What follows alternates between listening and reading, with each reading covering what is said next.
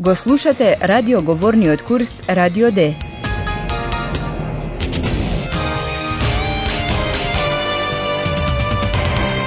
Заеднички проект на Гете институтот и Радио Дојче Веле. Авторка е Херат Мезе.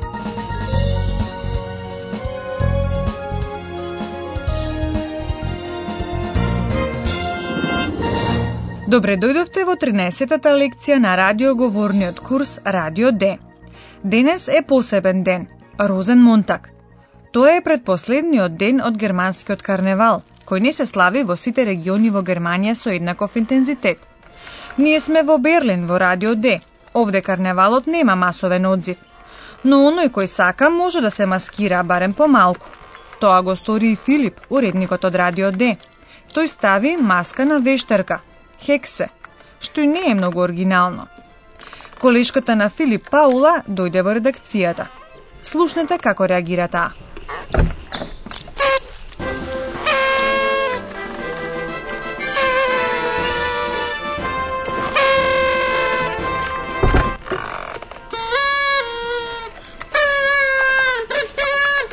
Ja, ist ja gut. Hello! Hallo! Hallo. Was ist denn mit dir los, Philipp? Ich bin eine Hexe. Heute bin ich eine Hexe. Eine Hexe. Das sehe ich. Sehr witzig. Aber Paula, was ist denn mit dir los? Heute ist doch Rosenmontag. Und die Deutschen? Hello! Hello! Oh je, oh je, oh je.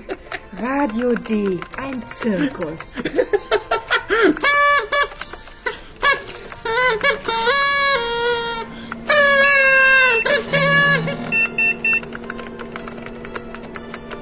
Achtung, Recherche, Recherche, Hexe.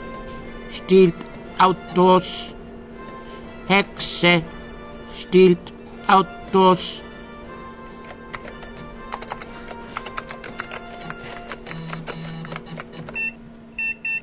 Паула, како што сигурно веќе слушнавте, е повеќе изнервирана отколку расположена. Ko ga Filip ušteja pozdravi so karnevalski od pozdrav hello, ta vedno špraša, što se slučuva s onego.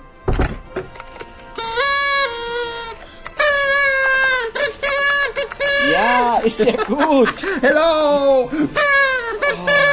Hello! Hallo! Was ist denn mit dir los, Philipp? А Филип со кикотење и соопштува дека на денешниот ден тој е едноставно вештарка. Ich bin eine Hexe. Heute bin ich eine Hexe. Eine Hexe. Бидејќи тоа лесно може да се препозне од неговата вештарска маска, Паула го исмејува со следниве зборови. Да, гледам, многу смешно. Das sehe ich. Sehr witzig. Ајхан се чуди зошто Паула го исмејува Филип. Тој ја подсети дека денеска е Розен Монтак. Овој збор е составен од две именки. Слушнете уште еднаш што вели Ајхан. Дали го разбирате првиот дел од сложенката? Heute ist doch Rosenmontag. Првиот дел од зборот означува едно цвеќе, роза, розе. Вториот дел означува ден од неделата, понеделник, монтак. Но за жал на овој понеделник не паѓаат рози од небо, што сигурно би било многу убаво. Не, зад првиот збор се крие стариот глагол розен, што порано се користел во Рајнската област, таму каде што карневалот секогаш се славил многу весело.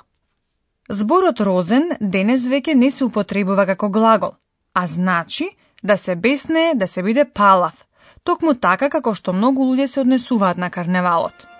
Aber Paula, was ist denn mit dir los? Heute ist doch Rosenmontag. Und die Deutschen? Hello! Hello! Ајхан раскажува што прават германците на овој ден. Филип го прекинува, а Паула се чувствува како во циркус. Radio D, ein Zirkus. Добро што Компо има нова задача за уредниците. Слушнете ја задачата уште еднаш. Станува збор за значењето на глаголот. Што прави вештерката со автомобилите? Што предпоставувате вие?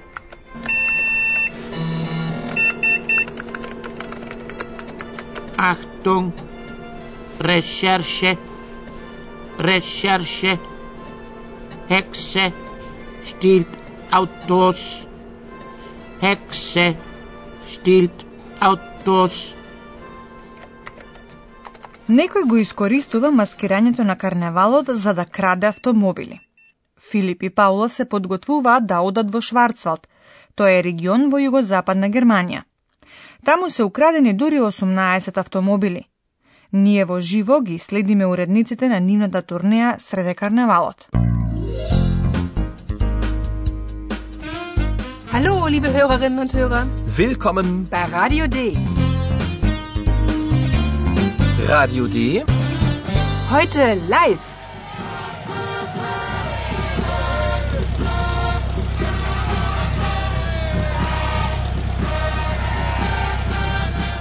Филип и Паула пристигнаа на целта. Тие не се маскирани. Паула го наговори Филип да ја извади вештерската маска, сметајќи дека тој изгледа прилично глупаво со неа. Слушнете што му се случи на Филип и зошто повторно ја бара вештерската маска. Ja, hallo, wir sind hier mitten im Karneval. Hello! Hello! Wir fahren jetzt noch weiter, aber hier sind sehr viele Menschen. Lauter Hexen? Hello!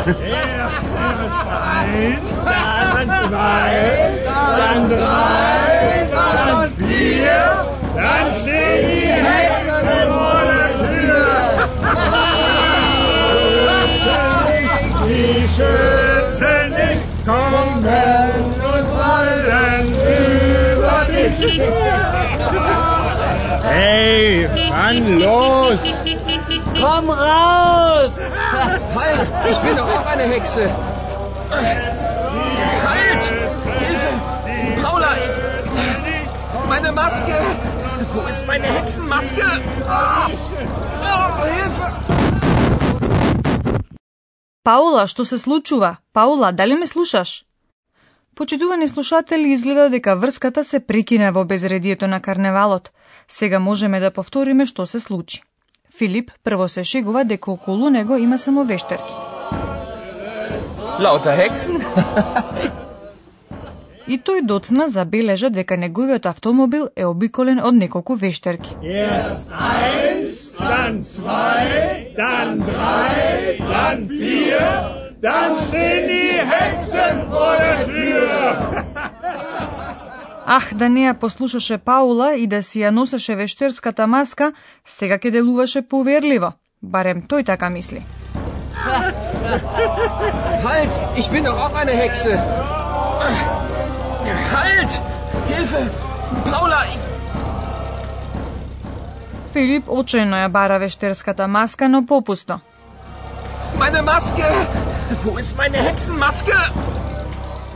Двајцата се во центарот на збиднувањата на карневалот, што јасно се слушаше. Ja, hallo, wir sind hier mitten im Karneval. Потоа очигледно стана се потешко да се управува автомобил, бидејќи многу луѓе се излезени надвор, како и вештерките. Wir fahren jetzt noch weiter, aber hier sind sehr viele Menschen. Вештерките го обиколија Филип и го извади од автомобилот. Што ли сака да прават со него? Мора да бидеме уште малку трпеливи. Но сега е наред нашиот професор. Und nun kommt unser Professor. Radio D. Gespräch über Sprache. Денес во Радио Д беше малку хаотично.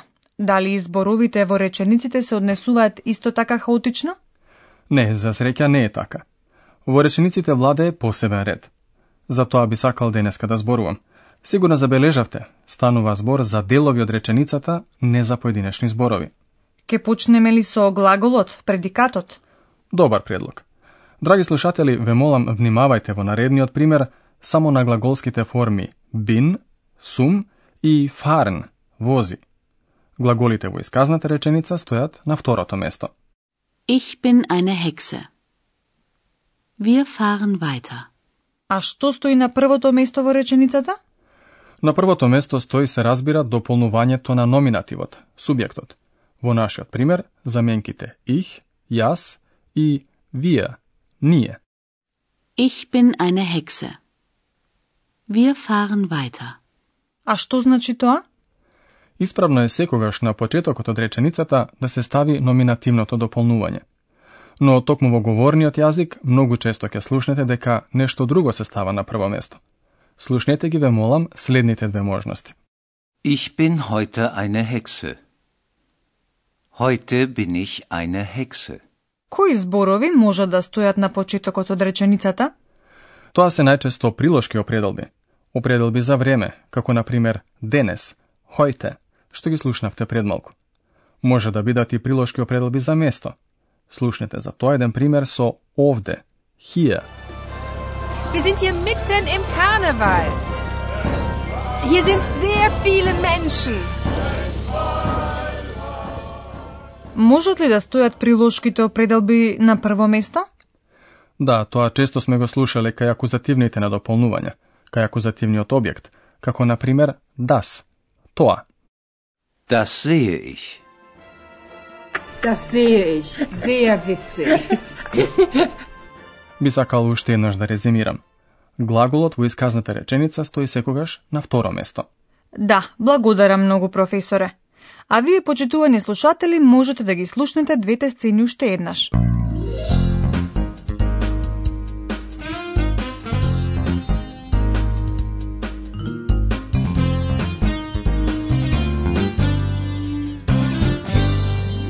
Во првата сцена, бидејќи е карневал, Филип ставил вештерска маска.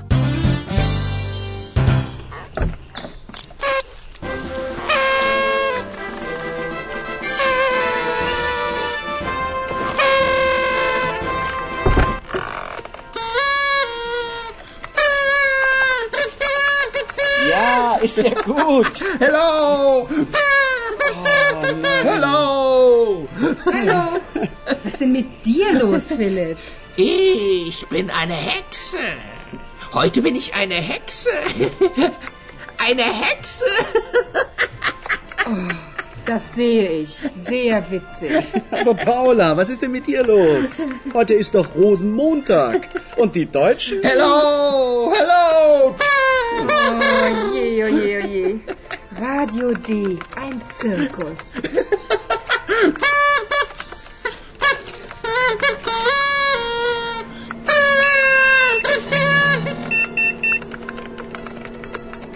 Achtung, Recherche, Recherche, Hexe stiehlt Autos, Hexe stiehlt Autos. Филип и Паула одат во едно градче, каде некоја вештарка краде автомобили. Ja, hallo. Wir sind hier mitten im Karneval. Hello. Hello. Wir fahren jetzt noch weiter, aber hier sind sehr viele Menschen. Lauter Hexen. Hello. Eins, dann zwei, dann drei, dann vier, dann stehen die Hexen vor der Tür. Die schützen dich, kommen und fallen über dich. Hey, Mann, los! Komm raus. Halt, ich bin doch auch eine Hexe. Halt! Hilfe! Paula, ich... Meine Maske! Wo ist meine Hexenmaske? Ah! Oh, Hilfe! Во наредната лекција слушнете што се случило со Филип и со кутрата и осамена Паула. Liebe Hörerinnen und Hörer, bis zum nächsten Mal.